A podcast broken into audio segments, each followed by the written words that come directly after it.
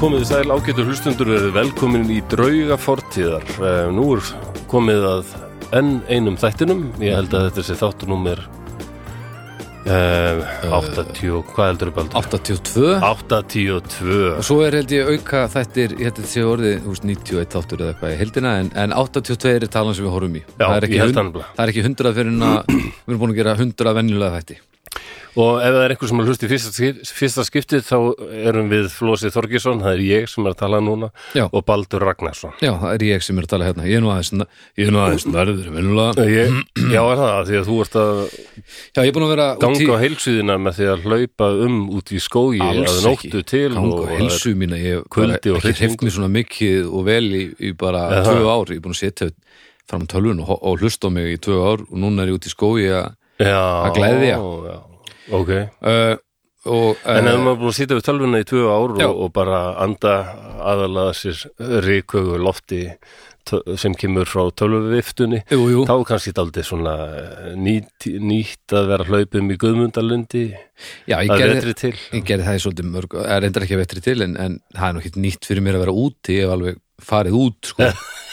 ég hef komið ánga Nei, ekki í tvö ár Þú Ég- hefur ekki jú. sérst utan þér í tvö ár Nei, ég náttúrulega, nei það er Hvenær gekkstu síðast á fjall? á fjall Já, veist, mér finnst það líka bara svo, það er bara svo leiðilegt flósi að labba fjöll já, en það er gaman þegar maður er komin upp sko. Já, en það er bara svo langt yfirleitt þangað til að það gerist Já. maður er alltaf á leiðinni þangað og svo, að- að það er gaman að fara niður, hlaupa niður það er gaman sko Já, að hlaupa nýð Já, ég nefnilega, Það er það, er líka hættulegt. það þetta, svona, svona, svona tilhreyfing hendar mér ekki vel að rölt eitthvert svona í, Já, í já, góður minna hópi það, það verður þá að vera hansi svona röskur hópur já, já, þú, ok, já, já í svona, já, svona dól eitthvað og sérstaklega ef það er smá halli niður á við þá er náttúrulega bara hlaupu þetta, það hlýtur öðra Já, ég held að við erum aldrei eftir að ganga fjöld saman, ég heyri það. við getum lagt í hann saman og svo sjáumstu bara Já, já, einhvern tíma mjög líklega. Nei, þetta er þólega að þess vinna, sko. Já, ég, já, ég nefnilega hef ekki þólum fyrir þessu sko. Nei, nei, það ok. er vandamálið Eh, En, Þannig ok, ég, ég þú- gerir lítið að því nema bara svona þegar maður er að fara að sjá einhvern ákveðin stað því Já. til dæmis m, þetta lappa upp á esuna í þúsundaskipti það myndi ekki gera neitt fyrir mig Nei, ég skil. en að þegar við hérna löpum upp á stóru urð og, og svo hljóp ég niður tilbaka Já, það það gaf mér hryllilega mikið af því að þá er ég að sjá nýjan stað og svona þannig að en það látt sér en ég hef farið á, á nýtt fjall sko. en ertu dimrættaður út af því að þú ert að leika í þessu Já, ég er bara að leika og, og syngja og Já. djöblast mikið og, hérna, barnalegriti?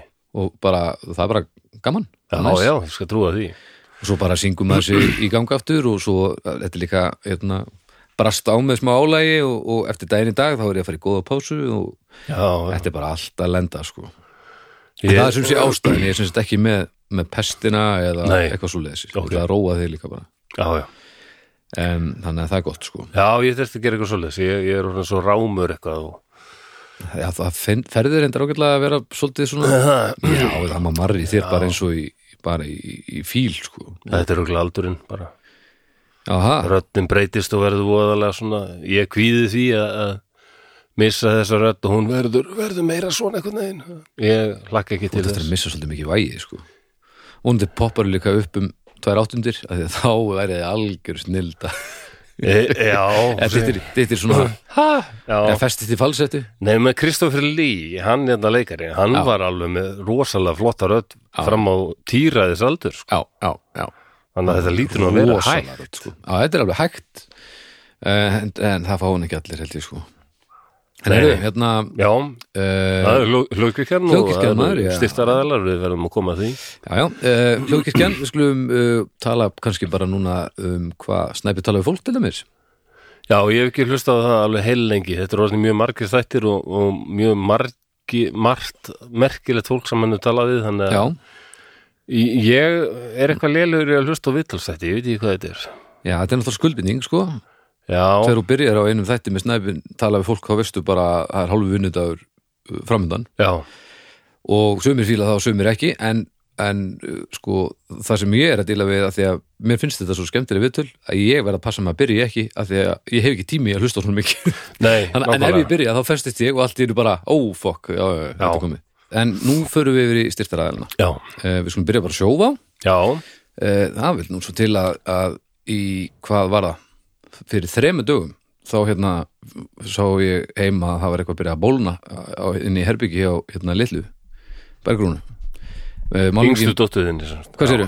Yngri dótturinni Eitthvað byrjaði að molna Já, nei, bólna, hérna, Bólna, málningin sko Þetta Já. var svona, það var einhver leki, síndist mér og eitthvað og ég, ég lelur í svona hérna, við ringdum í sjófá Já, það kemur maður til ykkar í fyrramálið að tekka á þessu Morgunum eftir þá kom maður og tekkaði þetta skoðaði þetta í bak og fyrir og sagði, já, það þarf pípar að koma og skoða þetta og svo fáum við ringingu um meðan dag og píparinn kom í gær og hann er búin að metta þetta og það er sem sagt eitthvað farið í vegnum og hann er bara að fara í næsta el og núna er þetta bara að fara að klárast í næstu viku þannig að þetta sem sagt, það Já, verður búið að leysa sem sagt vandamálið frá því að við uppgötum að það sé vandamál og þangur til að það verður búið að leysa það. það verður vika nei, jú, jú, já, vik, sjö dagar með öllu mm, ok og, og bara allt kofrað við þurftum bara að ringja þetta símtal svo bara byrjaði keðuverkunum, við þurftum bara á staðnum að taka mótöllum að bara, ég bara hef aldrei lent ég vildi bara tala um það hvað allt var gert hratt og það Já, var þetta hljómaði vel. alveg glæsilegt sko Það eru heitt svo marga hryllins og sko. Akkurat bara, maður heyrir svo ofta þetta, þetta, að allt er ringsnúist og þetta sé svo mikið og svona og hingað Mhm. og, og það þarf alltaf að vera svona en þetta var basically eitt af auðvöldast sem ég hef gert og ég er með gríðalega kvíða, verkkvíða gagvart svona hlutum Já, já, Þannig að ég vildi nú bara ta- segja frá því að Já. þetta var pínu snildalegt já, þetta er frábært maður og ég tók einmitt á móti sjófumanninum og Já. þá voru lifið mín ekki byrjuð að virka og ég ringsnir svona alveg eins og vittlisingur bara sem Já, ég já. spurði svo heimskulega spurninga hann var svo, hann var svo kurtis að það var æmyndirlegt að því ég spurði tvekja spurninga sem voru svo átakalega heimskulega að hann jafnaði ekki þið algjörst sko. Já, já, hann er nú örgla vann því já, já, ég er ekki svo eini sem er Nei, nei. heimskur á mótnana að núti sko. Hvað veit maður um einhverjar leiðslur sem eru bara grafnar inn í einhverju steinsteipu inn í vegnum hjá manni? Hvað? já, nei, og, líka, og, og gríðarlega hræðsla við, við, þetta, við, við þessa leðslu líka Já, ég hræðist þær alveg mér skilst að þetta sé ekkit svona allstæðar sko, eins og Dan, í Danmörku þá er flestum íbúðum, þá er alltaf leiðslur bara, mjög margar leiðslur eru bara utan á sko. já, já, En svo, líka, Íslendingar vilja fela þetta bara. svo líka bara munur á því þú spyrir í gömlu húsi eða nýju húsi og Já, það já. var allt öðruvísi að nynni og eitthvað og ég veit ekki neitt af þessu Nei, nei. Það er, Þannig að- það er gaman að fá að heyra meira um þetta, hvernig framvindan verður. já, ég er spenntur sko Já, ég vil ég held kenna að, heyra að um því að svo náttúrulega þarf að tæta allt saman upp og, og gera og græja Já, svo held ég að þurfum við að standa í svolítið tíma að þannig að vera hægt að, að þú veist að hérna uh, spasla og mála aftur og það en já, já, ég, það verður eftirfylgni sko en ég vildi bara rósa sjóa fyrir að hafa lest þetta svona hratt og öruglega og þau hefur ekki hugmyndum Sest, ég er, og meira að segja, ég hringdi ekki vera hringdi í síntalið þannig að þetta var ekki þannig heyrðu nú að sponsa okkur en við skulum nú að gera aldrei eitthvað vel við Baldur hérna, nei, Þau nei. ekki hugmyndu það þannig, að- Nei, nei, ok. þannig að já, ég vildi segja frá þessu Já, já, flott. Em, þannig að ta- og takk fyrir já, takk fyrir að koma og laga herbergið uh, og hjálpa mér með það Þetta er Sjóvá, meðmæli með sjóvá. ég myndi heldur segja það. betur og takk fyrir að hjálpa mér Og ég myndi gerðum mæla þátt. með því að uh, meðan það verður að s- að sparsla og brjóta upp einhverja veggi og laga að við tökum upp þátt Nei, Inn að, í að þýðinni. Bergrún litla fáið annað herbergi á meða e, nei, við vorum að hugsa um að innvikla hana bara sem mest í þessa vinnu sko. Nú ha, hún er náttúrulega- það, hún já, fór hún bara að er fylgjast orðin með. eins og svona að það nú að einhvern tímann að Það eru fréttamynd ásins já, Lítið bara þannig með að, rakamæli svona eitthvað að fylgjast með einhverjum körlum sem eru að brjóta Fylgjast upp vegg. með, með sleggjuna bara Þetta er bara, þetta er Litla album sleggju. cover já, já, þetta er Já, taland um yðnar tónlist það Já, uh, herru, já en- þetta, ok, sjóvá og svo Takk fyrir erum hjálpina, við, Sjóvá. eins og va- vanalega skils mér að við séum með Borg Brugus líka Borgbrukus, það sjálfsögðu og, og Bríó og, og Já. það eru nú fréttir þaðan sko, eins og kannski Já, við getum Glöggir. kannski farið að droppa smá lindarmáli sem, Já, eða svona, það er nú illa geimt leyndamál held ég akkurat núna nú er það eh, við, ég hendi einni mynd þarna í loftið í gær ég veit ekki hvort það sást það inn á umræðahópin við erum Nei, að ég sá taka, það ekki. við Ég erum að taka sofnaði hérna upp á föstudegi Ég sopnaði bara fyrir áttaði eitthvað. Já, ég gerði það eftir það sko en sem sagt á föstudegi erum við að taka upp hana í gerkvöldi hendi inn á umræðahópin mynd af, af okkur þar sem að við erum eitthvað að brasa með, með upp í, í brugghúsi Já, og það er sem sagt yfirvofandi að, að það er að fara að koma samstarfs uh, bjór uh, í, og hann kemur öllu líkindum öð, bara öðru hverju megin við Já. hátíðarnar, við veitum ekkert nákvæmlega hvernig það er þetta bara stutt í hann. Já, og við veitum ekkert nákvæmlega hvernig hann kemur en það er svo sem skiptir heldur ekkert alveg öllu máli af því að hann, hann bara Ég- kemur þegar hann Ég kemur veit bara að harðir aðdándur hlaðvarsins verða himilifandi. Já, ég, ég er nefnilega, já, og, og, og svo þú veitir að þá sett ég nú hashtagan undir Já, það hashtag elskulari Nú, já, ok, já. það er komið bara já, Þú, Já, en- en- en þú ekkert er búin um- að kjafta Er þið ekki að umfra það? Nei, ég er ekki búin að kjafta öllu, ég er Þetta er bara búin allt að kjafta hrunu pínu Já. Jólin eru ónýtt Já, já, þetta, jólin voru ónýtt minni mig Ah. Já, já. meðan nóvember voru allavega að tala þannig En svona einn ástsa, eitt ástsælasta umfjöllunar efni okkar mun tengist þessu sem sagt Já. Larry Walters Já, akkurat Sem og við ákvað. fórum sem sagt eh, í gær í- Hlustið á þáttinn Larry fyrir á flug Númer þrjú, já Númer þrjú og við fórum Númer og, og þrjú? gerðum og græðum og brösuðum í gær uh, í, uh, upp í brúkúsi með, með hérna góðu fólki og svo bara látum við ykkur vita meira þegar, Já, já. Að, þegar að þar að kemur en þetta er ógeðslega spennandi, hryllilega gaman Þetta, að, ég, Þú varst að brasa, ég var látin hella humlum úr póka Já, Já, þetta er búið og svo baldur og þú, svo baldur í okkar tíu mínútur að henda, erfið að svoleiðis með enda, að enda, móka enda og myndin af skúpa mér sko Já, Að já. myndin af mér og þú ert þarna eh, sofandi í bakgrunum þannig að þetta er, þetta er mjög lýsandi fyrir ferlið allt saman en, en já, var- þetta er mjög spennandi og Já. gaman að hérna, ná að, að, að ekki er þetta bara verið farsalt samstarf hérna með þáttinn nú erum við náttúrulega bara farin að gera alls konar hluti saman þannig að þetta er ógeðs Já, það var mjög gaman að heimsækja það þarna. Já. L- Ljósmyndarinn kom svona einum og hálfum tíma eftir að við mættum Mm. Þannig við stóðum þarna eiginlega í 90 mínútur og ég hef ég held ég sé alveg búin að fá fræðislu um bjór sem dugar mér fram á týraðis aldur, eitthvað svoleiðis Mm, já, ha, ég var alveg rétt að byrja sko. Já, það, þetta, já. þetta En bara hvað, hvað þessi menn vita ekki um brugg og já, það er öll þessi efnið sem eru notuð og Ah, hvernig gerjunin og svo allt litil þekking og líka hérna forvitnin í að leita nýra leiða og Já. allt þetta, þetta er svo mikið hérna Það er eitthvað listrænt í þessu sko. Já og bara, þetta er svona vísinda, ví, vísindalist Já. sko. og bara, og litast af einhversu barslæri forvitni Já, já, ástríða það var og alveg gríðarlega augljóst. ástriða þannig að, já, þetta, þetta var ógeðslega gaman og við látum ykkur vita þegar að, hérna, uh, við vitum meira hvernig þetta fyrir þetta í loftið og Já, getum mér- sínt ykkur hluti og svona Gaman sem voru að segja það er náttúrulega er farið að hlýna svo í Íslandi að Íslendingur eru byrjuðar að gera nokkuð sem týðkaðist á landnámsöld til dæmis Já. áður en litla ísöldin Litla Ísöldin er Uppáldar bara okkar. komin á topp 5 yfir uh, hlutina sem ég hata Já, hún þarf að fara í sekkin í dómstæði held ég Litla Litla ísöld Ísöldin Litla Ísöldin En hérna, þá týðkaðist alveg að rækta sko korn og bygg og ég, ég veit ekki hveiti, veit ekki hvort það var ræktað en svona meira heldur en var, svo lagðist það alveg af en Já. það er hans byrjað aftur sko Já, það er skemmtilegt. Íslands bygg og svona dót sko Já, litla Ísöld Já, já. Þú, þú, þú stjórnar okkur ekki Nei, þetta, þetta er allar vesinn sko þegar, þegar Ísland fannst sko, það var svo lít og gott það var eiginlega hlýra heldur nera núna sko. Já, þetta er bara eins og kaupa sér hús og Þannig svo að er þetta bara bara... risastort land og það er bara fiskur í öllum vötnum og öllum ám og bara Þetta er eins og kaupa sér hús og svo er indjónangrafréttur undir því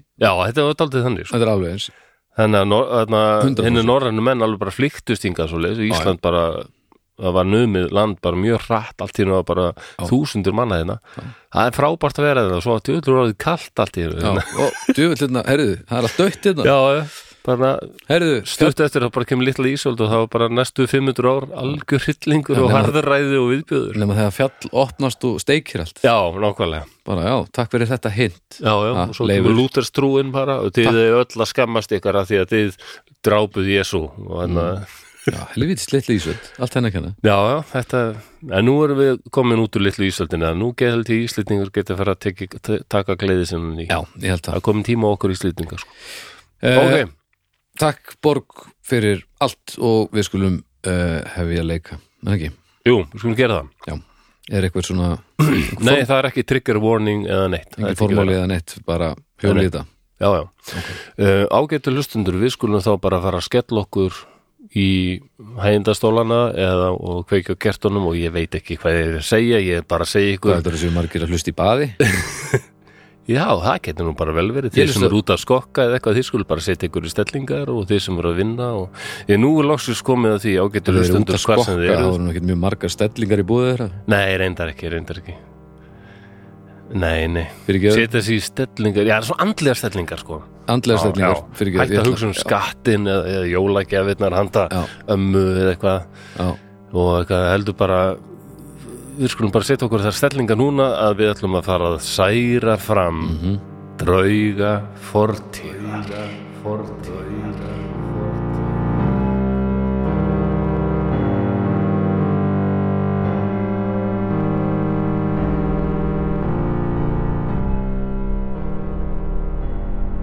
Þessi svín hafa myrt föður minn. Ég frétti það fyrir nokkrum vikum síðan.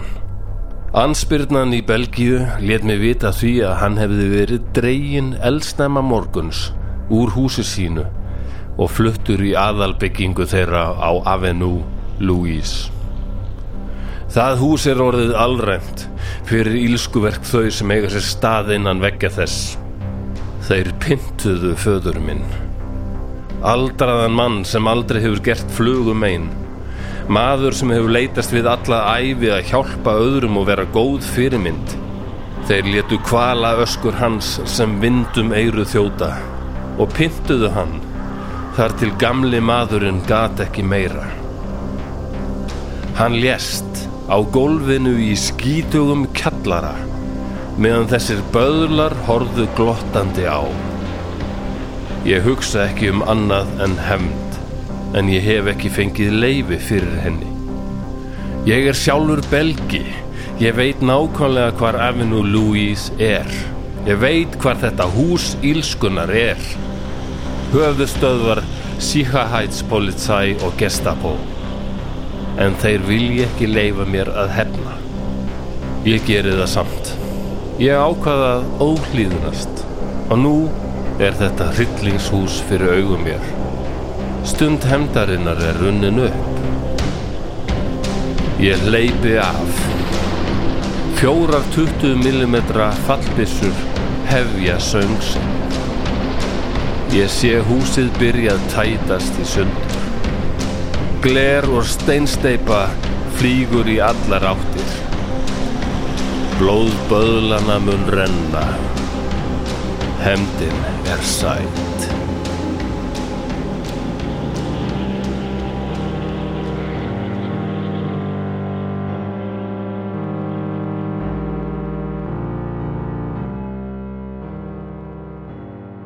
Þá er þessi lestur búinn, þetta verður bara stutt og laggott, þetta er svona, Mm, já, þetta er ekkit, þetta verður líklega ekki stór þá- langur þáttur, þetta er, þetta tók fljótt af, ok En Bíddu, þetta þykir alveg doldið merkilegt atvik í byrjun þá held ég að þetta væri einhver svona grínþáttur út af því hvernig ég las þetta. nei, bara út Ég var að leika í huglegsleikriti já, já, og ég komst í smá leiklistar skýr. nei, þetta nefnilega var allt mjög gott það var bara fyrsta setningin bara þessi, Þessi svín hafa- hafa dref, hvað, dref, Myrt föður minn. föður minn og ég held að vera að tala um svín Mm. Alvöru svín. Já. og ég held að þetta væri eitthvað svona svona harmleikur og sveitabæ Já. eitthvað, eða eitthvað svona Já, ok. suður í kerugl sko. Nei, nei, þetta er, en svo heyrður þarna, já, gestapó já, og Sicherheitspolizei, akkurat þetta við erum, já, öryggislörglan. við erum komin aðeins aðeins svona nær okkur Já, því grunar líklega hvar í, já, við erum í Þískalandi neða, í Belgíu. já, í Belgíu, og náttúrulega myndist á Belgíu Já. en við erum að við sennast þarna með Hernum, Þjóðverjana. hernumin af Já, já, Þýskalandi samt. hernumið- eh, hernumin Belgía Já, og það, það flestur eru búin að fatta vantalega að þetta er sem sagt í síðari síðari heimstyrjum. heimstyrjöldin, já en það er spurning hvort að maður þekki þessa sögu ég er nú ekki viss um það Nei, ég geti líka trú að ýmsir hafi sko uh, reikið upp stór augu þegar sko komið þeirra hendinni hjá þessum manni og hann leipir af og fjórar 20mm fattbissur Já. byrjaði að skjóta Menna, hvar fær Annaðhvort er einhver hann- maður fjórar 20mm annarkvort er hann sko enda, Fallbyssur. enda, enda kallin í Mortal Kombat eða hann hefur verið með hjálp Nei, þetta er sem sagt ef þú ert sko þú ert alveg að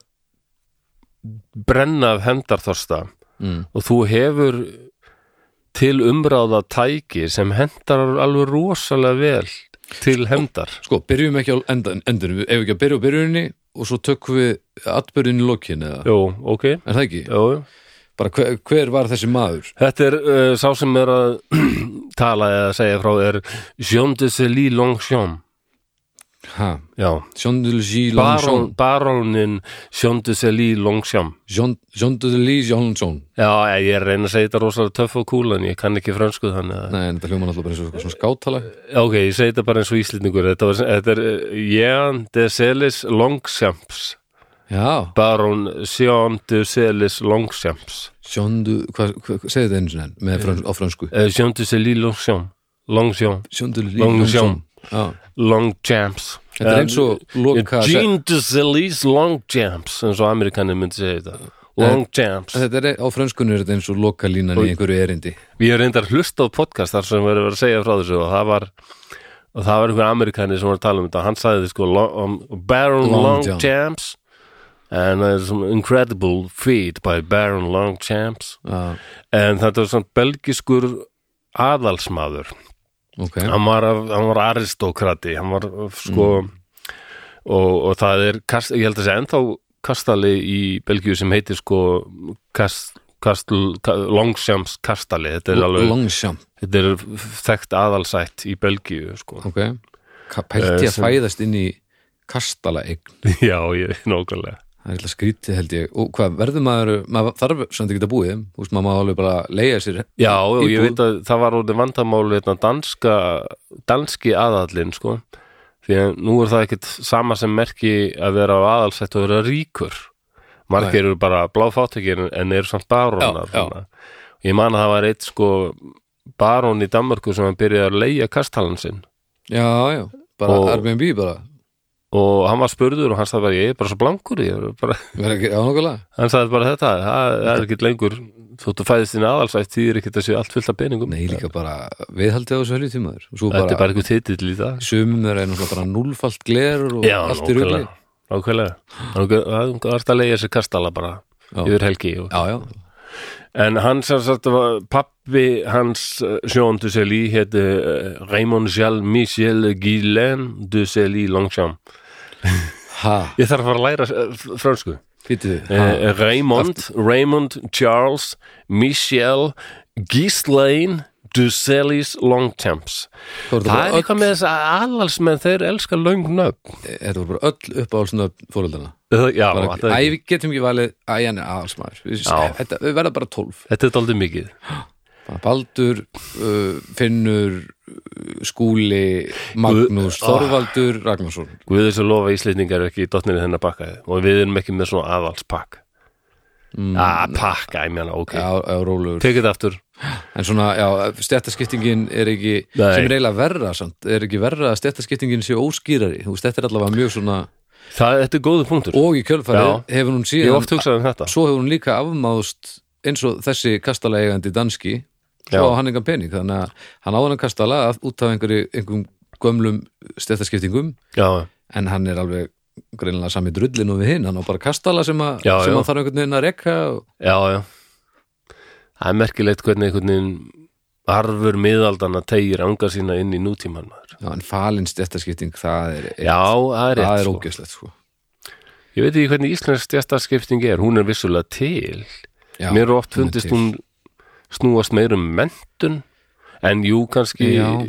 ríkidæmi líka sko já, ég held það sko en það er líka svona einhvern veginn, ákveðið mentasnoppi í gangi líka sko En þú veist ég ekki held að- mentaður hása fannst mér og alltaf verið aldrei svona dæmdur mér finnst spektrumið kannski vera minna það, við, veist, við Já. erum ekki með öfgarnar í já, blant í öfgarnar í báðar áttir eins og sumstaðar í heiminum sko. nei og e- einhver sagði mér að, að munurinn er eins og munurinn á skjaldbreiði fjallinu og Mount Everest já, ef við myndum okkur píramítar sem eru svo skjaldbreiður sem er ossalega lár en það eru langar hlýðar en það er líka mjög lágt Mhm. þannig var stjættaskiptingin á Íslandi að já, það var svo stu, þú, uh, ruslakallin átti kannski bara heima í næst sömu götu og einhver ríkur forstjóri sko. Já. það var svo nálægt já, já, forstjóri já, þetta var ekki já, já. en svo Það voru þegar ekki þetta fyrir að skýru breytast skil, sko, svo fyrir þetta að breytast í alvöru píramíta þannig að það er mjög langt frá toppi Niður á niður á botn. botn. já, já. og svo verður, það var uh, reyndar hagfræðingur sem var að útskýra þetta fyrir mér einu sinni, ég er búin að gleyma hvað hann heitir hann var, hann var að hagfræðin nemi ok og hann sagði að það er orðin mjög alveglegt ástand í þjóðfélaginu þegar píramítur er orðin virk- virkilega hár og brattur Já, of langt frá Já, langt frá toppi niður í og svo gerist það að það myndast annar píramíti ofan á toppi hins pír, eh, stóra píramítars mm. lítill píramíti þar sem er bara einhver er annað fólk sem er í sinni eigin sko Já, sem Píramída og er og, og sá ekki- píramídi lútir sömu lögmálum og já, er ekki, já, og neðri. og er ekki Ah. tengt píramítum neðan og og hann sagði þá erum við kortir í uppreist já, já, já. Já, þegar þú þetta ert í lægstu, e- efstu stjætt Já, og bara þú ert ekki lengur tengdur við hitt já, langa efstu stjætt en samt ertu læ- í lægstu stjætt í þeirri kreðsu og alveg ótengdu restina af Já, því sem ég er býst gerast. við að þetta sé þetta eina prósant sem er oft talað um sem er Akkurat. bara ekkert í tengslum við hinn 99 sko. ef einhver þarna úti er í eina prósentinu og er að hlusta Já, þá er ég gaman að því ég ég veit ekki hvernig maður á hvað að ætlar að segja núna? Nei, Komdi í fjölmenna liðið nei, Vertu með okkur í barátunni það verður bara Úa, svo úa. gaman að heyra sko, heyra það er svo gaman að heyra frá fólki sem er ekki í sömu stöðu og maður sjálfur, nú er ég bara í einhverju svona, Já, já, ef það er stjættaskipting hérna þá er ég í efri milli stjætti eða eitthvað svo leiðis, svona upp, uppar mill eitthvað, gefi mér, en ekki allavega, það verður gaman að heyra frá einhverjum sem er ég veit það sem ekki gerir sér grein fyrir því að hann er í þessu eina prósenti bara hvað varðar þar sem að við verðumst einhverju luta vegna ríkaldi ég skipti máli eins og ríkidæmi eða mentuna hvað það er og svo verður líka gaman að heyra frá fólki sem upplifir sig alveg hinum einn Já, já, af því að ég held að þessir tveir umveruleikar á sama stað ég er ekkert viss um að, að þetta náttúrulega að, kannski óverlappar þetta eitthvað þú veist, hverstags venjulegu dagur hjá sitt hvorum aðalunum ætli er óverlappi mikið eða ekkert eða bara töluvert já, það verður gaman að bara- heyra pælingur um þetta bara rosalega litaðir af aðstæðum, ég veit Já, það já, ekki allavega, þið vitið- vitið af okkur já Svona að ræða þetta betur Setta kannski, og svo halda áfram með þetta mál já, algjörlega uh, hann, Já, hann var sem sagt barón eins og f- faðir sinn, hann hérna Sjóndu Selí mm uh, Hann hafði verið að Hann reyndaði að droppa át úr háskóla ok, sem er alveg hræðilegt fyrir Já. bara já, kollegi nema ég framhaldsskóli hérna Já, ég, komst akkurat, aldrei í ég líka, háskólann. ég droppa út úr já, þið eru kollegar Ég sveik reyndar, ég, mér tókst einhvern veginn að droppa úr framhanskóla en komast inn í háskóla án þess að vera með stúdenslof. og droppa út þar Nei, ég kláraði reyndar hérna, ég staði með ágætlega í háskólan, maður er alveg einu skóli það sem ég staði með ágætlega já, já, og kláraði eitthvað. já, já, já, já. Já, já, nei, ég kláraði BA-próf í háskóla. já og það er bara, það er bara ritgerinn sem þú þetta eftir í Já, næsta og svo er ég að fara í mastersnám núna eftir áramót og ég ætla að klára það. já, þetta lýst mér vel á En mér líst mjög vel á mastersnám, ég held að hendi mér betur heldur en mastersnám í sakfræði, það var orðið svona, æ, já, ok, Þetta var ekkert gaman eftir að Guðni T.H. var hættur á, Mm. og Anna Agnarsdóttir orðin komin á eftirlauna og svona alveg Jú, það er frábær kennar ennþá í sakfræðinni en já, ég sá mjög eftir þeim tveimur Guðna T.H. og Önnu Agnarsdóttir já, já. En ok, en og hann byrjaði bara að vinna í banka Já. og var fljótt svona bara mjög góður í því og var bankastarfsmæður Mm En svo brýst úr styrjöldin og þjóðverjar taka hann að Póland og taka Östurríki og Tekkoslovakíu ráðast svo inn í Póland þannig að Bretland og Frakland um, segja Þískalandi stríð og hendur Mm -hmm. og svo voruð 1940 þá kýla þjóðverjar á þetta ráðast á Frakka Mm -hmm. og líka á Holland og Belgíu sem voru hérna hlutlaus ríki já. og Sjóndessi Lý er kallaður í belgíska herin Mm -hmm. uh, og hann hérna kannski út af því hann var aðalsmaður hann var hann gerður að hérna svona hann var kavalri hann var, það voru ennþá sko segni heimsturöldin er merkileg við sjáum hann svo oft sko ykkur skriðdrekar og svona en það voru Já. sko marg, mörg hundruð miljónur hesta sem tóku þátt í heimsturöldinni já, og þýski herin var með miklu fleiri hesta heldur en skriðdrekar hún var ennþá daldið, það var alveg gamaldags og Já, marga já. myndir og setni heimstöldin þá sjáum við hesta sem er að draga bara einhverja vagna og dót sko. þessu er aðeins ge- gerði skil í tölvuleikjunum það Er eru það? svona, já, en ekki í þessum hlutföllum það er náttúrulega meira af skriðdreikunum já, en það eru hesta, já, hesta já. menn oft á tíðum á svæðinu sko. það er alveg, já, í setni heimstöldin leikum líka Já, en, ja, og þó ætla þessi meira í fyrir heimstarleikinum Jú, ég- það það er allavega eitthvað í setni en, en nei, ég kannski, kannski er það minna heldur en ég held að það sé Ég, náttúrulega Uh, spilaði ég held að Battlefield- við höfum ósalega ímynd alltaf af setni heimstöldin sem Já, ég ósalega spilaði teknilegri Battlefield 1 svolítið og það er fyrir heimstarleikur Já. Þar var fullt aðeim sko en, þar var reyndar rittaraliðið líka verðaldaldi úrelt sko, í Já. fyrir heimstöldin Já, já, Hann kallaður rittaralið, þarna voru orðið sem er að leitað, cavalry officer og breyta náttúrulega ekkit, eh, belgar er ekki sens gegn þýska hernum sko og hérna, eitna, þetta var afhróð, bæði fra- breytar senda lið til að styðja mhm, hollendinga, belga og frakka Já. og það ræður engin við þjóðverið hérna. þeir beita daldið nýri taktík og, og komu daldið óvart mm -hmm. með, blitsaða með, já, já, með fallífa liði líka og svona Já, já. þannig að Og hann endar hann í Dunkirk, margir hafa kannski séð þá mynd, það sem var bara mörg, nokkur hundruð þúsund hermenn sem voru bara króaðir þar af. Já. En hann er einn af þeim fáur sem nær að sleppa með breska hernum til Bretlands, ok, til Dunkirk. já, En svo hérna, fer hann til hérna, Fraklands mm sem undar hérna, hefði gefist upp en hluti af Fraklandi var ennþá franskur, það voru ekki þýskur hér þar. Mhm. Þeir voru bara í norðri. já, já En stærstu hluti Fraklands var kallaður Vichy í Frakland. Já, þetta er það sem við tölum um í hérna Já, þau tókum alltaf Frakland fyrir Já, í hérna, einum svona, þætti. Um, Hérna, fortíðar Ja, Fortíðar vandamál Já. sumra þjóða sko, Akkurat. sem ég er mjög heillaður af í sakfræðinni. Akkurat. en hann náttúrulega hugsaði þetta er, þetta er ekki hægt ég vil bara halda áfram að berja skeitt þjóðurum mm.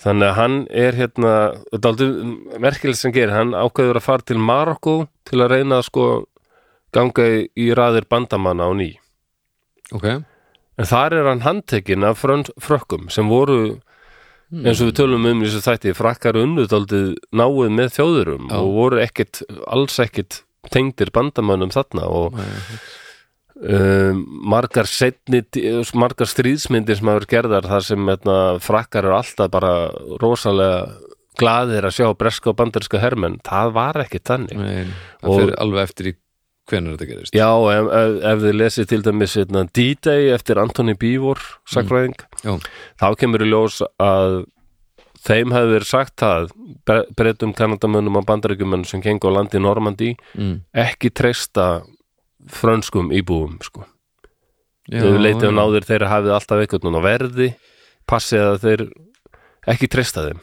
Vá, þeir, hvað- það var bara, þeir treysta ekki Djöfull, frökkum sko. Það hefur verið óþægilegt að, að vera frakki já, já, á þessum tíma og með þess eh, þurfa einhvern veginn að vera á milli steins og sleggju og já, já alveg hellað þeir treystu frönsku anspyrnunni sko, sem Já, þeir já. höfðu náttúrulega- en, en almennum borgurum eh, þeim eru uppálagt að vera ekkert að treysta þeim vera á Já. varbergi Já, já, ok og það er ekkit, kemur ekkit mikið í ljós í bíómyndum það sem bara frakkar eru alltaf bara róa glæðir að sjá sko.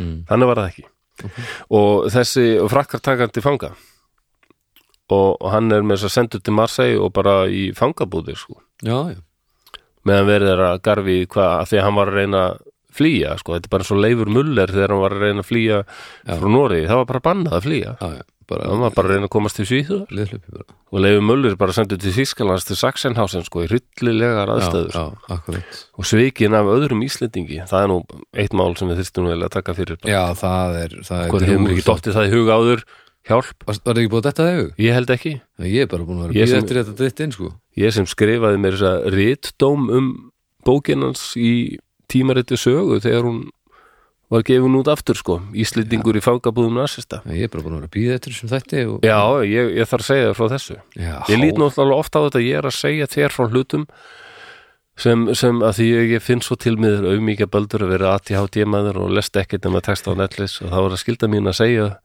öðru fólki sem les ekkert, ne, ekkert nema texta á Netflix og nú hljóma ég alveg eins og Súlandir í myndin Súlandir Já, já, Ég vil langar, langar að hjálpa svona ungum krökkum sem get ekki mikið og kunni ekki lesa neitt nema text á Netflix. ungum krakkum eins og mér Já.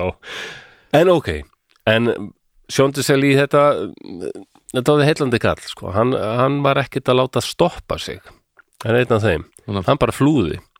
að úr fangabúð Og, já, já, flúði úr fangabúðinu í Marseille Ok, og kemur sér eitthvað, hvernig fór fólk að þessu?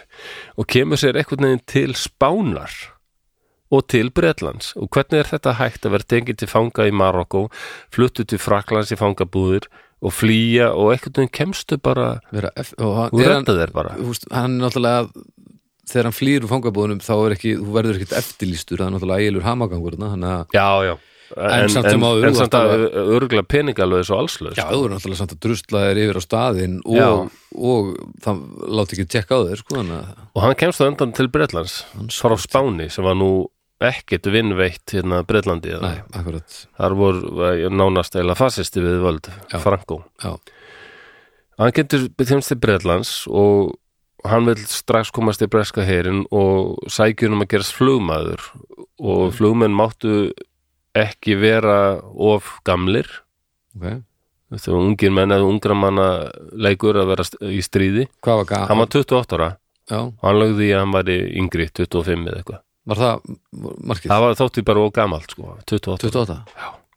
Já, ok og hann er tekin inn í konunglega breska flugurinn Royal Air Force og hann er hérna sendur til uh, flugsveitar númer 609 sem og nú þekkja nú margir kannski sp- Spitfire flugvelar við höfum talað um það reyndar í Orstun Breitland Já, Spitfire, Hawker, Hurricane en Sean Dusseli hann flög vel sem hétt Hawker Typhoon já það eru ekkert margir sem þekkja hana uh, hún er svona hún og, Jú. se, og hvað sér Hún er samt svona vel þegar þú sér myndaðin þá segir þú, já, þetta er svoleiðis vel það gæti verið sko, Já. hún er alveg sérstætt svona lúk, er flott, aldrei flott vél hún er stór og mikil Já, og maður hugsa bara með sér þessa vél og setni, setna var hún upp, eh, uppfærð og kölluð hókur Typhoon þá hugsa maður þetta er kraftavél St- stórt og mikið og hérna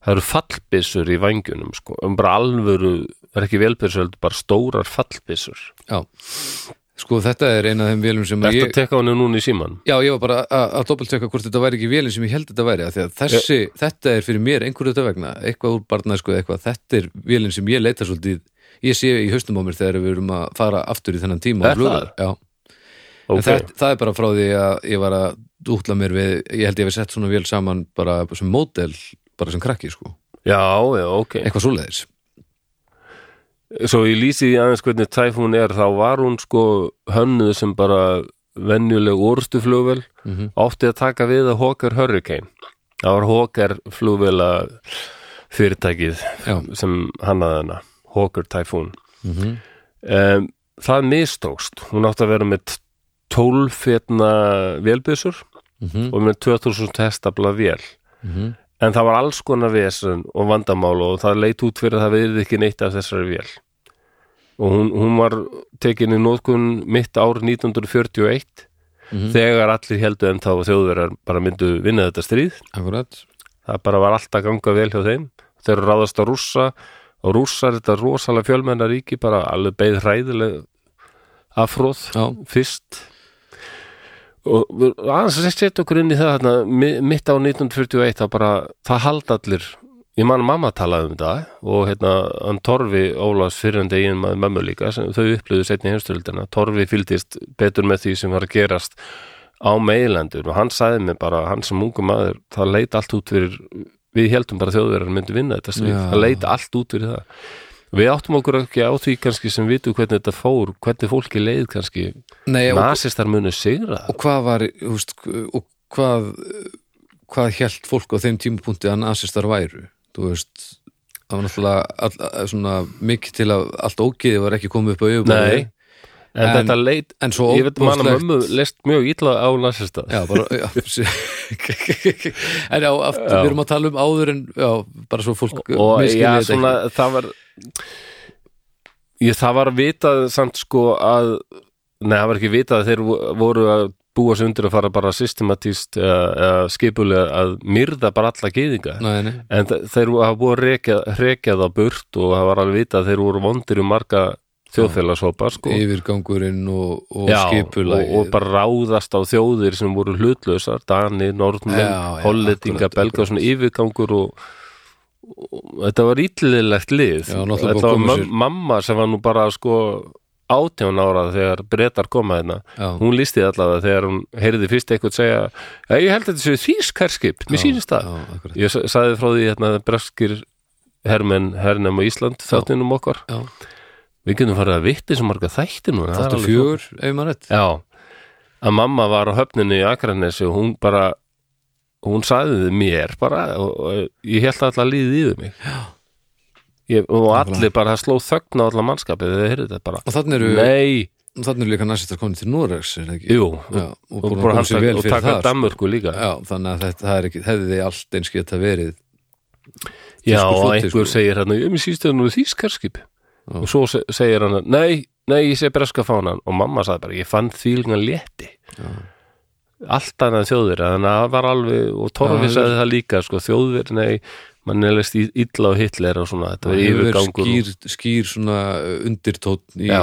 í þessum hersingum já, það var það það er magnað Þannig að já, ok, á þessum tíma en Hawker Typhoon svo, og ekki er það betra fyrir flugherri sem voru á móti þjóðurum að 1941 koma þeir með nýja flugvél sem heitir rosalegu nafni Focke-Wulf Fokkevúlf Focke-Wulf 190 síðasta plattaðin er ömulega en vélinn var fín Já, já Focke-Wulf Fokkevúlf og þetta var rosalegu orustuvél Ok. og bara ok, djúðlar ég að sjá þessa bæði breskar, breskar og hún er einmitt svona illilega eins og Messerschmitt 109 já, þjóður gerur ekki bara góðar úrstuvilar heldur voru þar, þær lúkka bara það er eitthvað óugnalegt sko maður sé bara þessi vél, þetta er drábari já þetta, þ- þessi er mjög þú sé klassisk þessa, líka sko já, þetta er með afgerandi lúk Já. sem hún er með, eða útlit fyrir ekki Algjörlega. e, og bæði breskir og-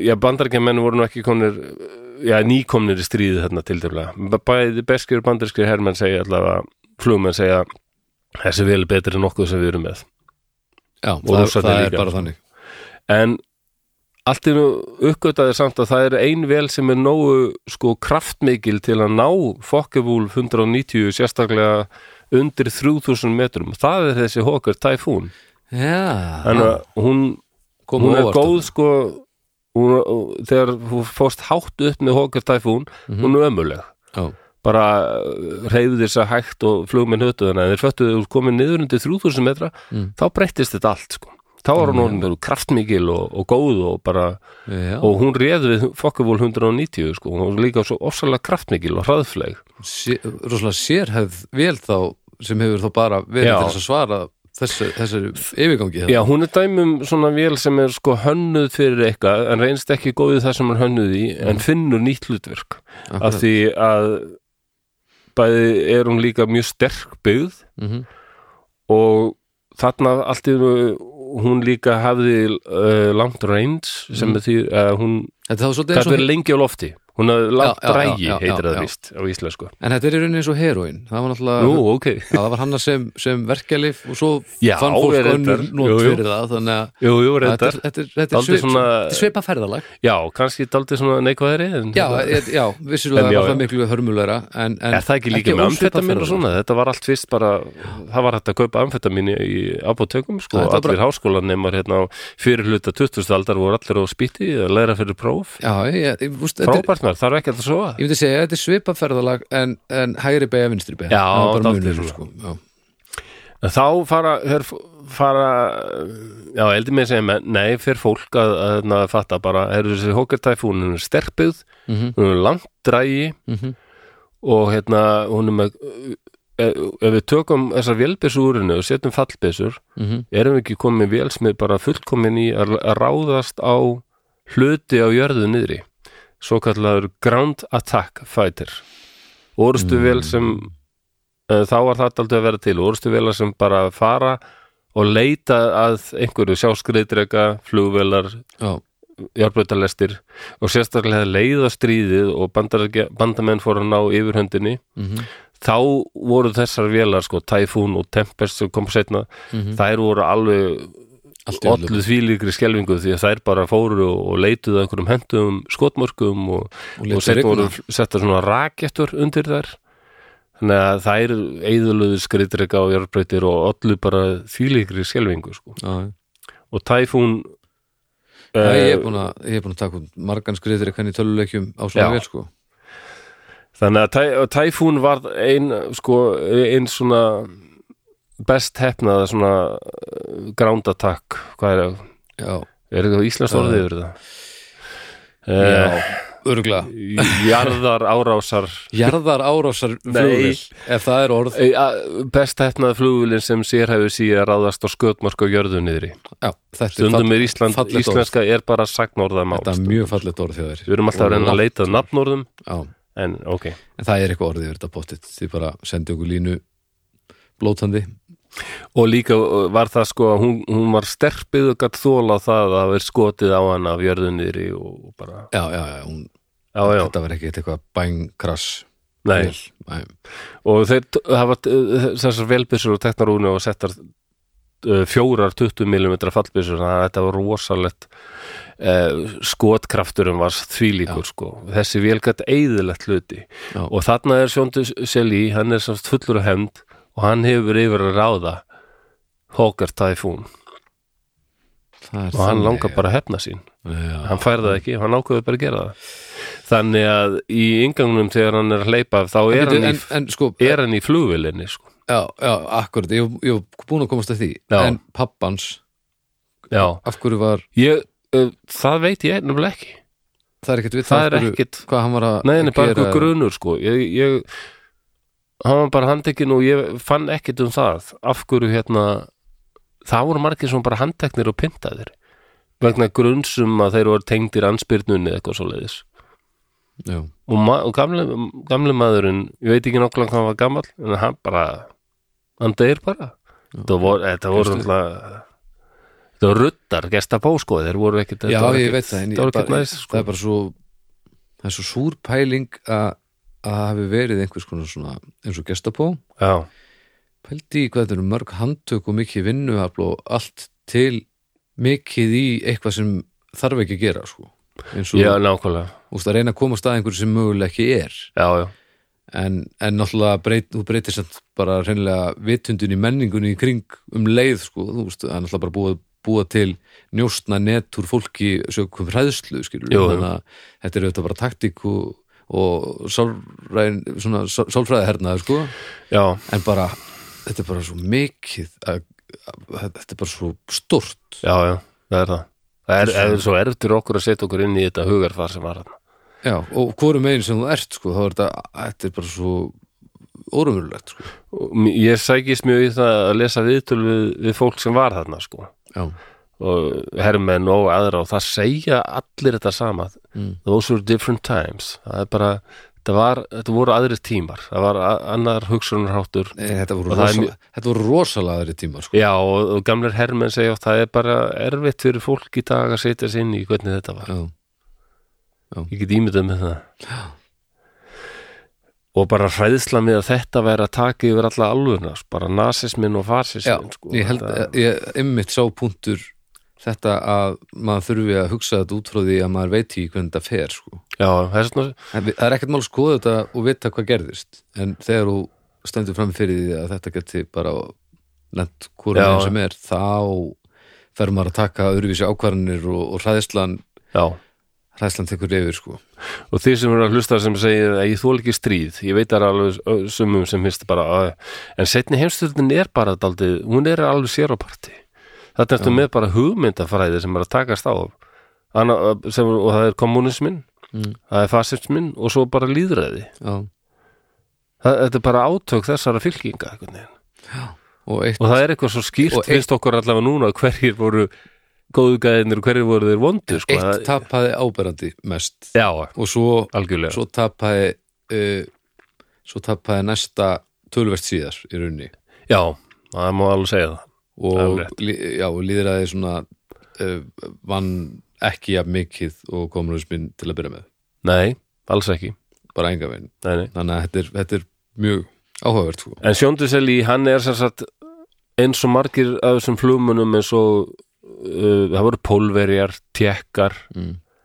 ma marg, margar, ma margar af þessum hernumdu löndum flugmenn sem sluppu, þeir urðu þekktir í breska flughörnum sko, ég manna einn af breskur flugmaður sem var að, það var að ég horfði að þátt um pólverja í breska flughörnum, þeir voru mm. daldið margir Já. og það var einn gamall kall eh, sem er svo gaman að hlusta á þessu gamlu kalla hann var að segja sko gamall breti, hann var að segja, ég meina þessi görar, tekkarnir og pólverjarnir Já. ég meina þeir sko, og hann laði áherslu á þetta orð, þeir hötuðu þjóðurja já, já, Þannig að, jú, jú, við hötuðum þá líka en þeir, þeir sko þeir, þeir hötuðu þá þetta er annan, annars konar Já.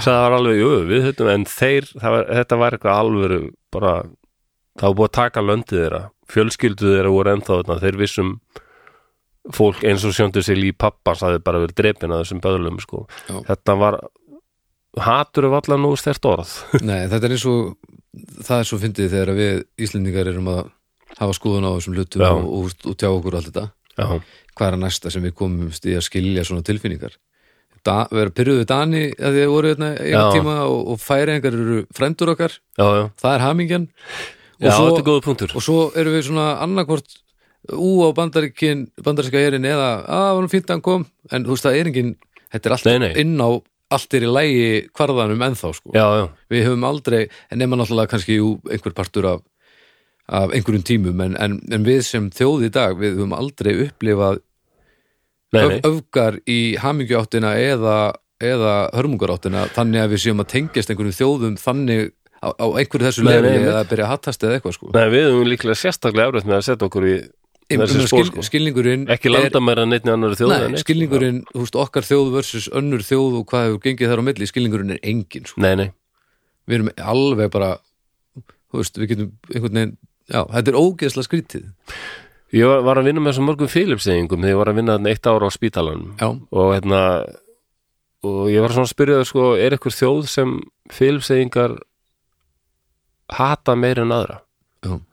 þau nei, nei, nei það, við, við, það er engin þjóð sem við hötum þeir, næ, það er, en svo fóruðu þau að hugsa að reyndar ef þú myndir spyrja pappa já, já þá veit ég að hann myndi segja Japan já, já, já, þegar gamla kynnslóðin í filmsegum helvítis Japan er maður sem er hernamun á í já, já, akkurat já, setni heimstöldinu og komu ítla fram við það og það voru alveg einhver miljón ein, ein, hálf til ein miljón fylgsengar sem dóu bara beint af völdum Japana Já. meðan á hernáminu stóðust sko. en þá erum við að, að samt að tala um það að það hattur til dæmis er þá að dofna bara með kynnslóð sko. já, já, þú veist, það er ekki Það er lengur það. það. það þarf þá að vera eitthvað rosalega langt viðverandi ástand til þess að verði rótgróið í þjóðarvitundinni alveg þannig að Já, já. það jafnir sig ekki út, sko já, já það er en, alveg en rétt sko. hjá okkur, ég, nei, þú veist, ég veit ekki nei, nei, við erum með að setja okkur inn í þetta svo grikkir og tyrkir sko.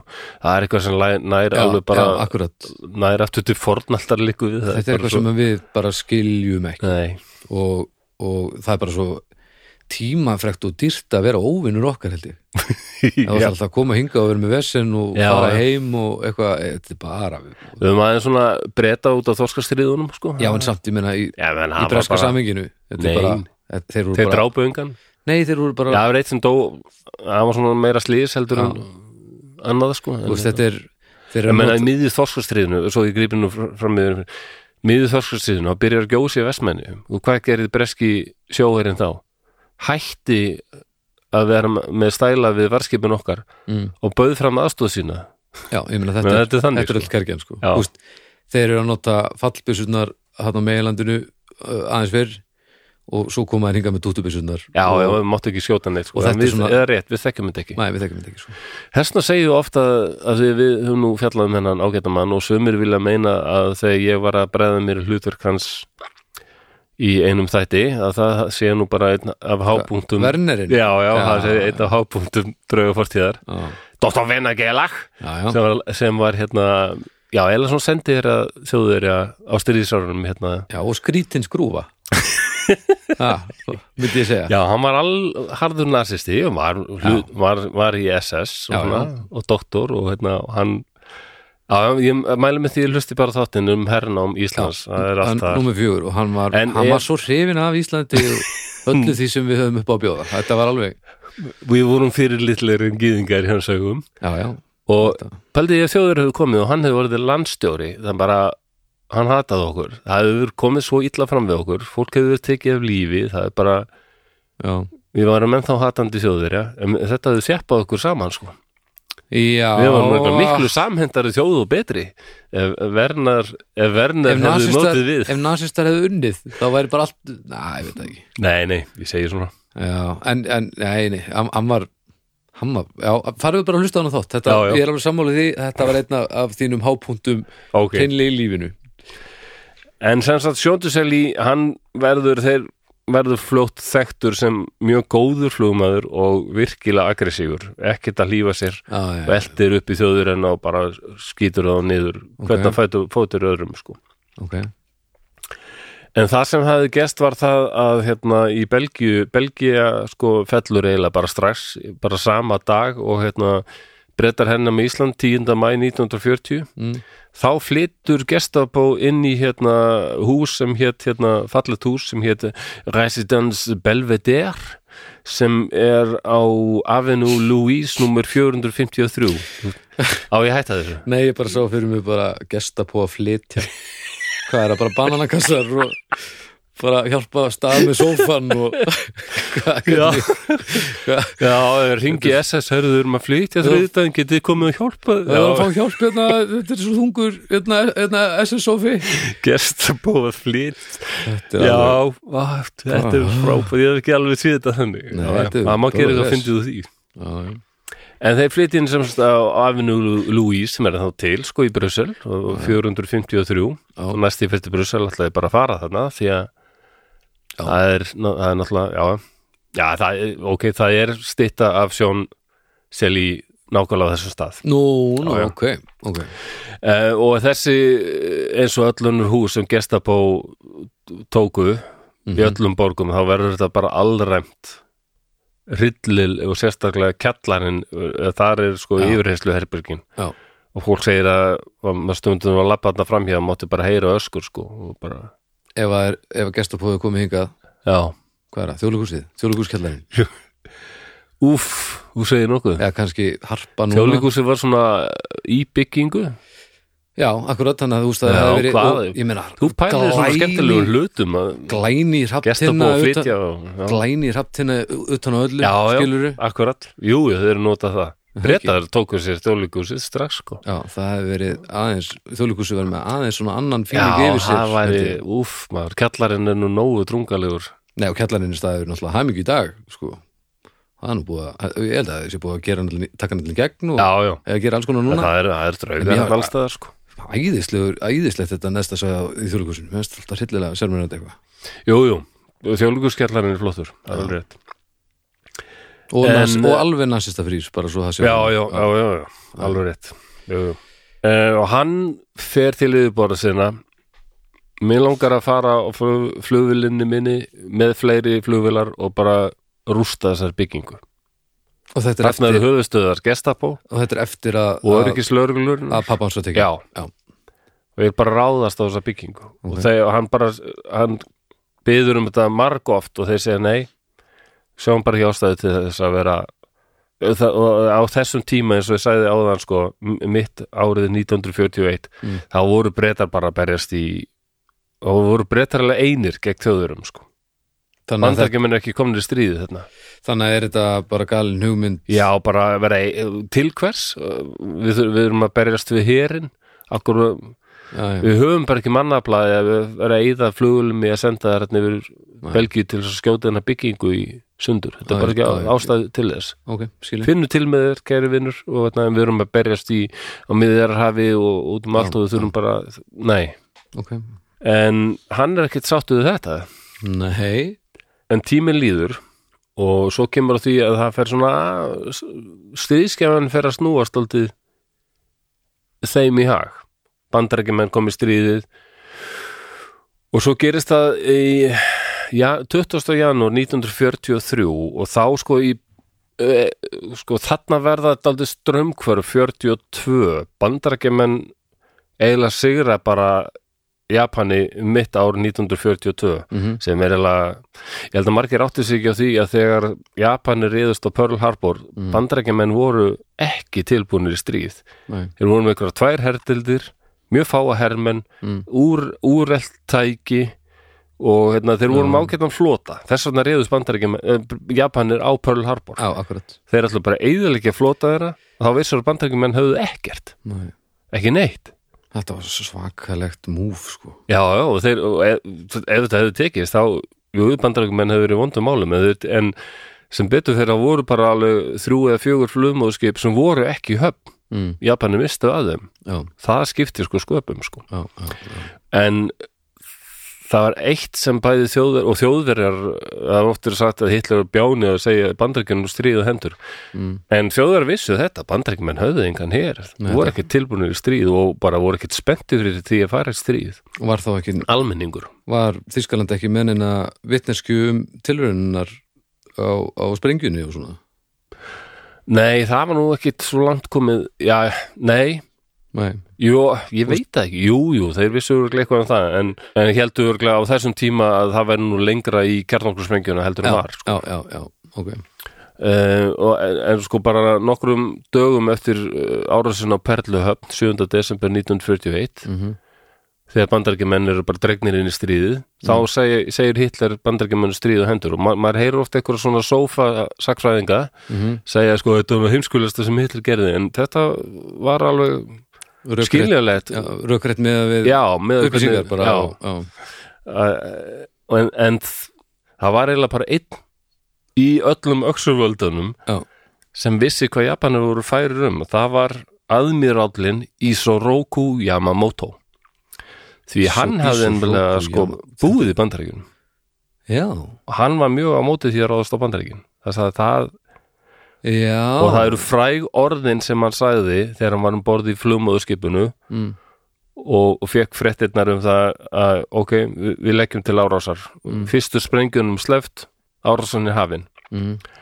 og þá sagði hann, jæja herra mínir nú hefur ykkur tekist að vekja sofandi drega Ó, Já, það var svolítið orð sko þetta er líka eitthvað svo japanst Já, þetta er svo fyrir Já, Hvað var þetta hérna? hvernig, Æ, hvernig nú er hefur við þetta sko? ná að styggja reyða rollu Oinsjó, oinsjó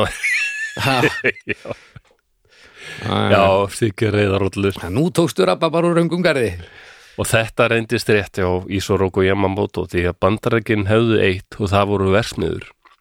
Já. Og þegar bandarækjumenn og hann hafði Japani líka vannmetið daldið svona hvernig bandarækjumenn eru að upplægi. Já, já, Að þeir hafði bara, ó, við erum bara að sökku allu skipunum okkar, við viljum bara semja frið. Nei, það er ekki the American way, sko. næ Það var bara Þú sparkar ekki bandarækjumann, hann kýlir þið tilbaka. Það Já. er bara... Og það var bara allar versmiður bara hergætna framleysla Mhm. og sex mánuðum setna þá bara rústa bandarækjumenn eiginlega japanska flótanum við Midway mm. sem við mitt ár 1942 og eftir það eru Japanir bara á afturfótunum allt stríðið Já. að hörfa sko. og, og, og bandarækjumenn eru allt um bara færir um að framleiða bara skip og trukka og Já, byssur og allt En, být, og en, byrja að senda sovjetmönnum bara fullt af trukkum og skrúfum og dóti Já, og já. hérna, en var ég, er ég í ruglinu hvenar er byrjað að- að skoða kjarnorku Já, það sprengjum, er- sprengjumálin um, Var það ekki Ég er ekki rosalega fróður um það en það er náttúrulega er byrjað löngu áður en þeir setja daldið svona uh, þeir setja daldið á fullt í Já, það já. svona þegar það líður á stríðið upp úr þessu sem sagt bara samlega því að, að koma undir sér fótunum sem stríðsveldi Já, það var bara lagt meira í það um leið því að þetta var náttúrulega þetta var rosalega erfitt að Japanir náttúrulega vilja ekki gefast upp Nei, nei. það var bara mjög erfitt að fá japanskan hermann til að gefast upp til að yfirheyra hann sko. Akkurat þeir fröndur fika sjálfsmorð þannig að eh, eftir því sem líður á stríðið og sérstaklega eftir innrósinu á Okinawa sem eru eigar sem eru Já. Mhm. söður af Japan sem þeir reiknuð með að yrði bara myndi taka nokkra vikur, það var alveg einhverjum mánuðir og, og bara gífulega erfitt sko Já. það tók kannski langa langa tíma að ná bara 100 metrum og kannski ekki treyst neinum Nei. innfætum sem þú sást sko, hann var kannski með sjálfsmörssprengju það var búið að setja booby traps sem sagt svona sprengjur allstaðar sko.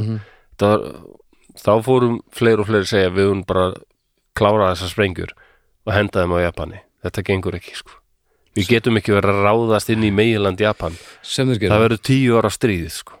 sem þeir mitt gerðu já, sem við Og- gerðum og, eh, og Japan held áfram uppteknum hætti þannig að það var ekkert vitað hvað eftirmálar svona sprengju það kom ekki til ljós strax Nei. hvað það var sko Mér finnst aldrei gaman að þú skulle vita þetta því að það er ennþá margir sem segja enn þann dag í dag þeir hendur sprengjunum og Japan er bara, oh fuck man, nei, við gefumst upp alls ekki Nei, það er nefnilega rétt hjá þér og ég fór náttúrulega til Hiroshima sko og er, kemur þetta fram þar Ég, það, já, það er bara allt upp á borðum þar og, Já, og, já. og líka ég var búin að kynna mér þetta líka sjálfur sko en það Já. var náttúrulega bara það f- fekk enginn að vita eftirmálan og hvað þetta var hörmulegt þannig að Nagasaki í kjölfarið ef þriðja kemur, þú veist, hörmungunar eru þ- þ- sko þvílíkar Jú, jú, og það kemur í, í rauninni ekkert ljósverðinu eftir uppgjöf hvað þetta var skelfilegt sko.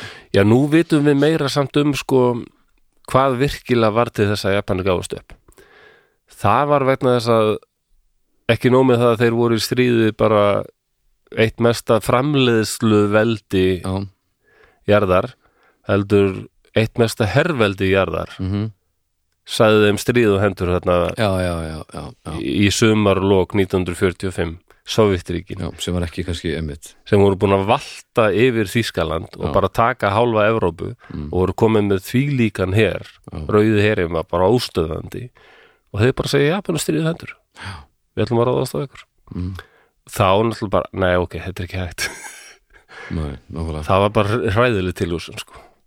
að sovjetmenn myndu taka norður hluta Japan og Japan hefði endað eins og góriða í dag sko. Já, akkurat nei, nei, gefur strekkar upp fyrir bandargemunum Já.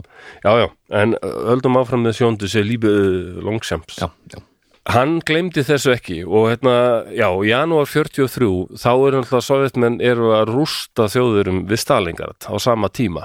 Þannig að núna er stríðskefan virkilega að snúast Mhm. Já. bandamönnum í vil akkurat og breski flugurinn er farin að gera meira af þessu um þetta að senda flugvilar yfir meilandið mm og ráðast á allskins skotmörk og, og, og, Já. og, sp og sprengjuherferðin bæði bandarísku og breski flugurinn að senda sprengjuvelar bara nótt sem nýtan dag að varpa svona- sprengjum Og allstað veikja undir stöðunar frekar en að Já. vera að vinna á einhverjum vílinum Já, Já, en en þeir voru tveir að fljúga hérna hérna baróninn og annar og voru bara leitað og þeir höfðu hérna, fengið leifi til þess að ráðast á einhverju járbrautalest Mhm. í, í hérna Belgíu, ok nálað borginni Gent Æ, notaðan ferðina bara Já, já Hann- hann- hann- hann- Það var svo rosalegt hvernig hann var búin að skipulega þetta, ég Ok, kemur setna ok, að því ok, sko. ok, ok, ok og en hann segir, herðu að hann var að fljúga með náungar sem hétt eh, Blanco,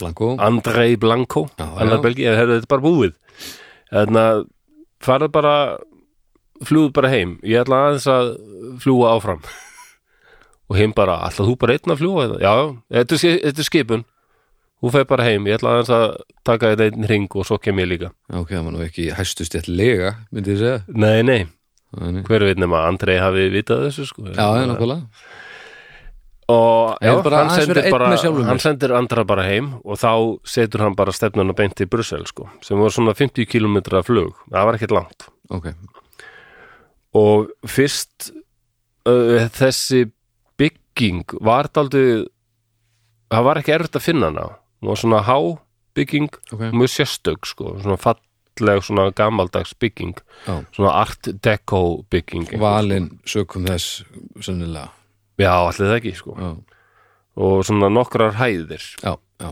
og há, stór bygging sko, þannig að hann flýgur bara yfir Brussel Mhm. lágt og finnur afinu Louis ok og hann það er svo- þetta er svo magnað sko, hann byrjar á því að fljúga lágt yfir bygginguna og það er talið að hann hafi gert það til þess að allir byggingunum myndu standa upp og hlaupa gluggunum Sí. og bara, ó, hvað er að gerast? Hvað er stafs? Hæ?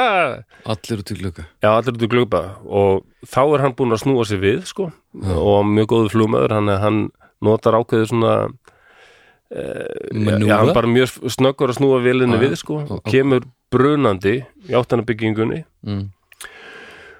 og treystir á það, það er allir komur út í glugga þarna sko og þá hann byrjar á því að skjóta neðan frá og bara þessar fjórar fallbyssur fara í gang Ok, uh, og, og svo tógar hann vélina upp þannig að vélbjörsutna bara tæta í sundur fyrst neðstu hefði byggingun neðan frá og alveg, alveg bara upp sko.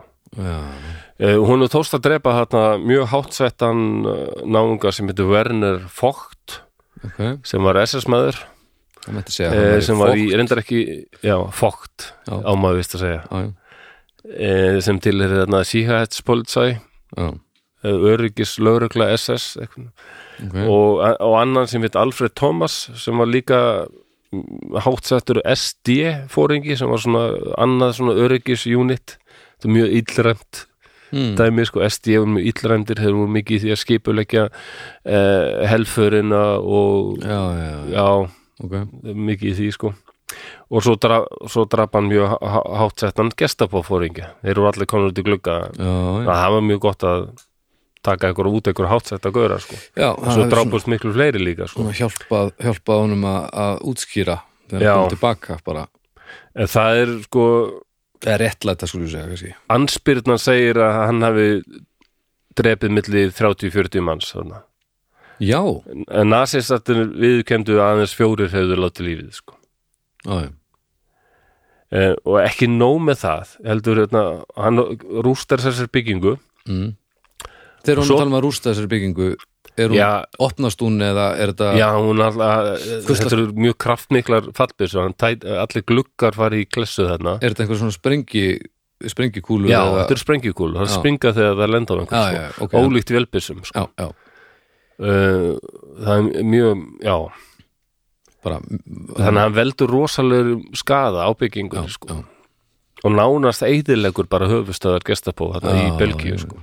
og var með þessu eina áhlaupi eða kemur Já. hann aftur Nei, bara einu sinni já, bara einu sinni. nei, Já, hann, shit hann, þetta var rosalegt eidingarvopn sem hann var með í höndunum og Já. hann langaði að nota það. og hann kunna á það Já, já. já, en ekki nóg með það heldur hérna hann eh, flýgur hérna yfir miðbæinn og hann var búinn að heimsækja hérna belgist flóttafólk í London ok, og það eru til dæmis sko belgiski skólakrakkar já, að hann búinn að fá þau til að búa til fullt af litlum svona belgiskum fánum já sem hann var með með sér hérna nei, hann var með póka fullan af litlum belgiskum fánum já, og hann flýgur yfir miðbæinn og opnar, rennir hérna rúðunni aftur já og fleigir þessu öllu yfir miðbæinn nei, og svo, stef, svo hendir hann niður stórum breskum fána og stóru hérna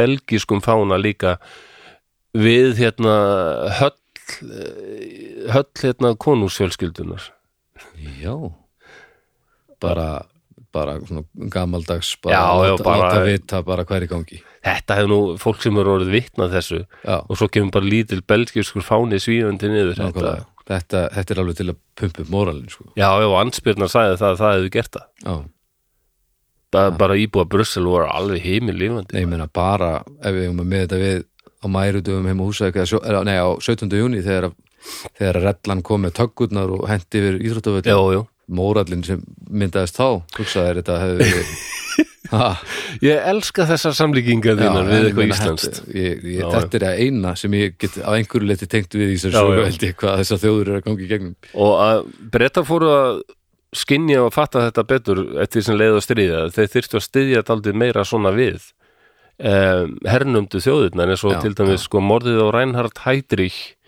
eh, SS-fóringanum í, í hérna, Prag, Tjekklandi. Það er nú mikið verið fjallað um það, það er frægt já, skrifað um það.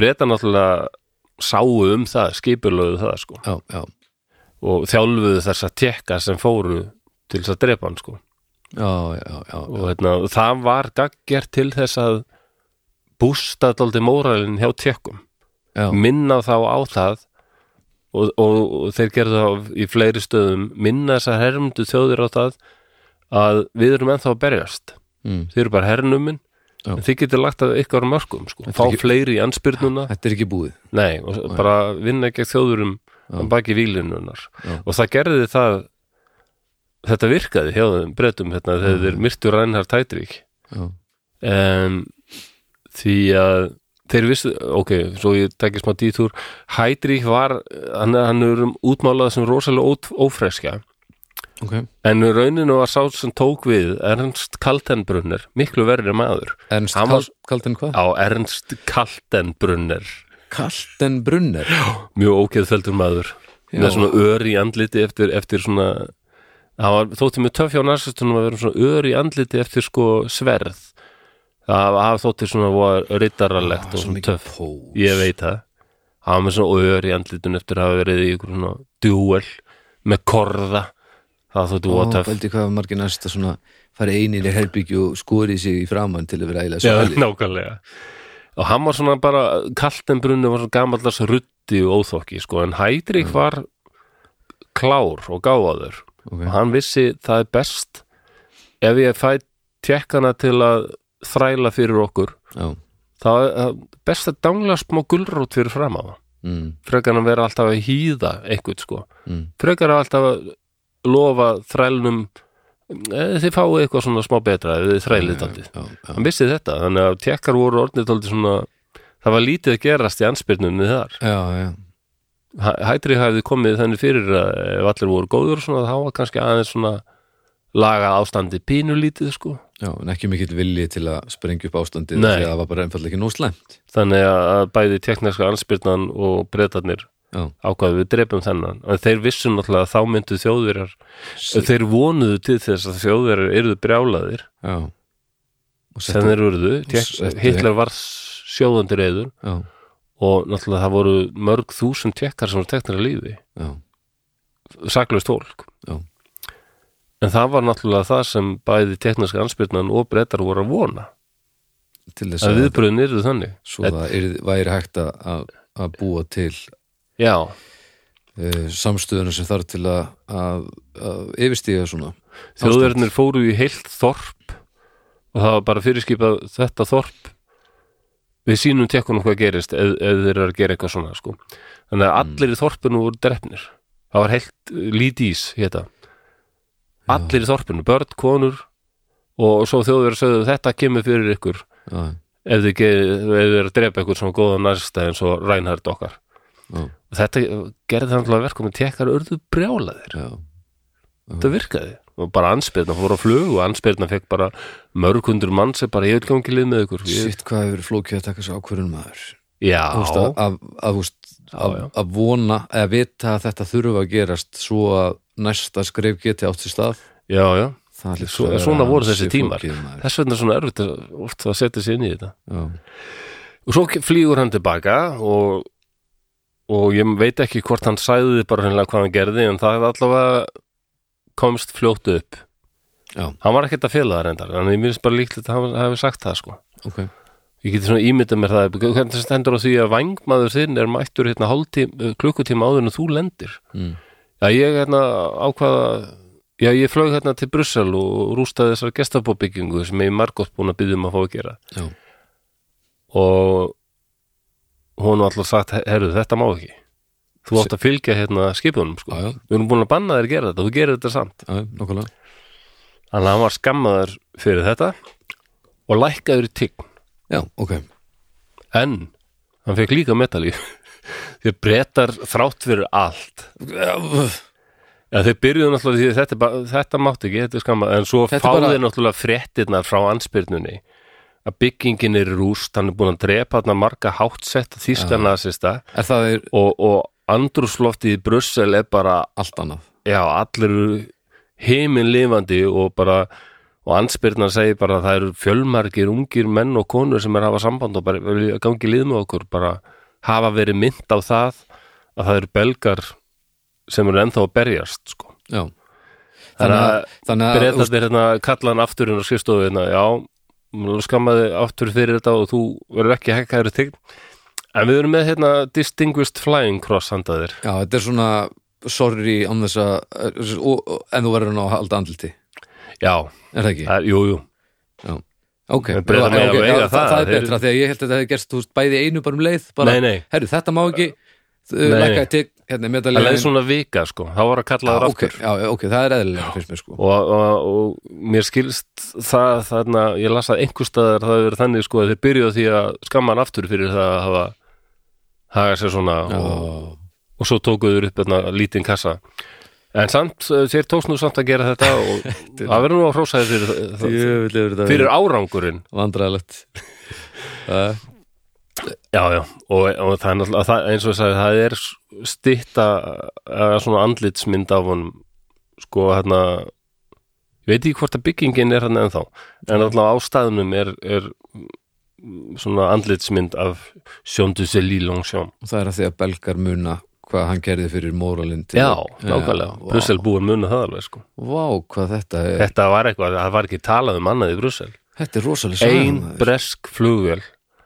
mætti þarna yfir Brussel ró, og hérna ætti hérna bara lágt og það var hávæði í þessum, Já. þessari 200 hestafla vél þannig að margir tóku eftir henni svo snýr hún við og bara rústaði þessari byggingu Já. og hendi niður belgiskum fánum fánum Það er alltaf- þetta var þvílíkt þetta er, þetta er svakalegt múf sko. já, já, það var það wow. en það hefur verið gaman að það hefur verið tekin einhver viðtöl við sjóndusvel í langsamt eftir stríðið en nei, það var ekki svo gott því að nokkrum mánuðum eftir þetta í ágúst 43 sama ár já, þá lést sjóndusvel í langsamt hann hafði verið að fljúa yfir Ostend í Belgíu já, og uh, þýskar loftvarnabissur hefðu hæft vélinans ok og hann var að reyna lendinni og það tókst ítla þannig að hann bara slasaðist og alvarlega við lendingu hann Mm. lést. þannig að hann sá sá aldrei stríðun ljúka Nei, það er aldrei óðalegt sko. gerði þið samt sitt Já,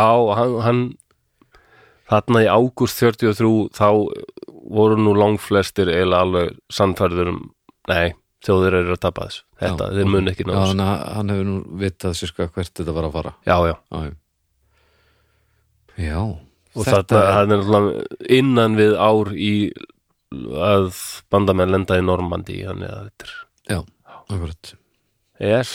Þetta er stórmerkileg saga Já, finnst þið það? Já. Ok, ég Af því hugsa að þetta er bara svona stuttur og standard þáttur Já, það minnst tókst uh, ég, og ég held kannski, þetta er náttúrulega jú, heimstyrildar nörda þáttur en ég held að þetta er samt- ýmsir aðrir geti haft gaman að Já, þessu. þetta er líka samt persónuleg Já, saga og þetta var mjög mikið bland bara, bara sagfræði, bara saga heimstyrjaldarinnar og, og svo þessi persónulega saga af því að hún er, þetta er stór merkileg ákvörðun hún er, já, já, hún er það og já þetta- Hva, ég meina, hvað með þú gera?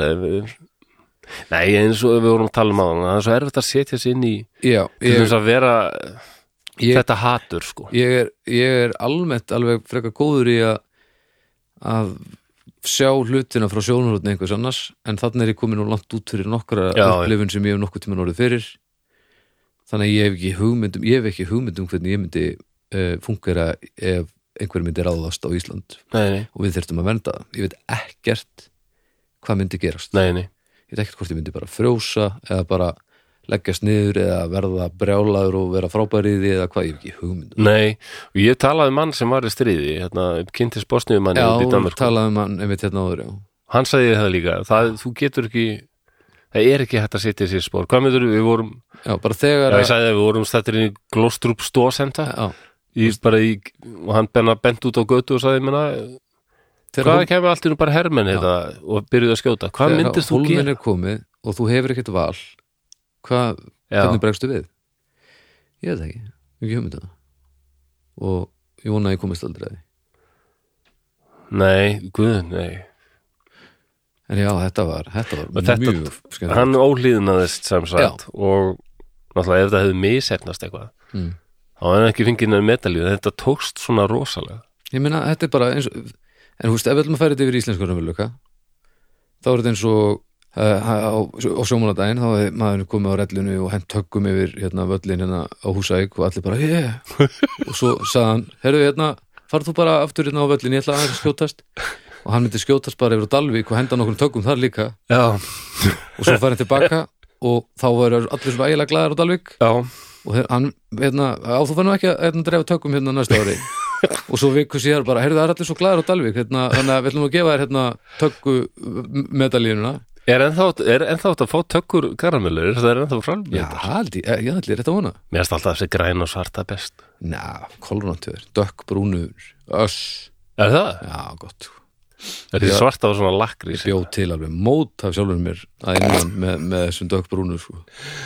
Já, já, já, ok já, en já, já, stórmerkileg saga og mjög skemmtileg þrátt fyrir það, þá er það sem sittur eftir og mér bara svona mynd í höfðun á mér af gesta búið að flytja af því það er bara, Ég hafði ekki pælt í því, það er, þú sér það bara alltaf einhver eitthvað svona gesta búið fóringi að Já. lappa upp stiga með kassa, svona ka ka bananakassa sem stendur á bara lúgerar og sokkar Já, og bara fymta ferði í helvitis frakkanum löður, sveittur Já, og, og já, allir já. brjálæðir þetta, þetta er það sem gefur lífinu gildi, gesta búið að flytja sko.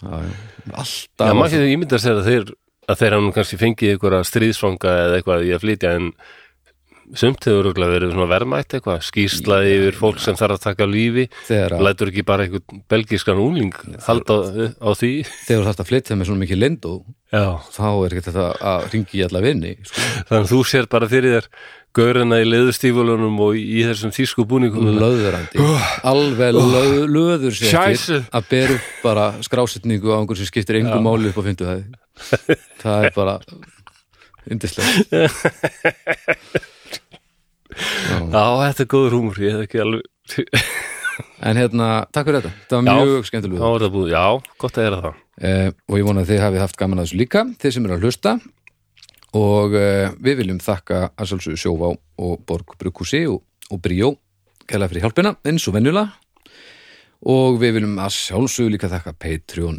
fólkinu drauga hjörðin á Patreon, þið eruð snillingar og eh, þið eru að hjálpa okkur ótrúlega mikið eh, það er alltaf vikulegir þættir að detta þar inn nú erum við farin að taka fyrir minni mál og, og og við ætlum að taka næsta þátt upp bara, bara samdægurs og hann fer í loftið í rauninni bara á þriðudeginum þannig að þá tökum við eitthvað eitthvað skemmtilegt hressandi mál þar fyrir og ef þið hafi ekki kíkt hann á Patreon nú þegar þá getið þið gert það en takk þið hinn sem eru þarna e, nú þegar e, Dörra fórstíðar umræðhópur Já. hann er aldeilis alltaf að bætast þar í Hann er skemmtilegur, hann er 6.000 manns eða meira 6500 manns, Vá. rétt tæplega held ég og Ég alltaf mani, verið ég að- fekk bara alveg sjokk þegar þú sagði mér að það var komin 1000 manns Ég veit það, þetta, það er meira núna ég, hérna, Frábært. Og náttúrulega, og við erum svolítið að fá svona í loka árs þá eins og hérna á Spotify fær maður svona uppgjör uh, hvernig er búið að ganga Já, og það sáum við að það voru semst 3077, ma- 3077 manns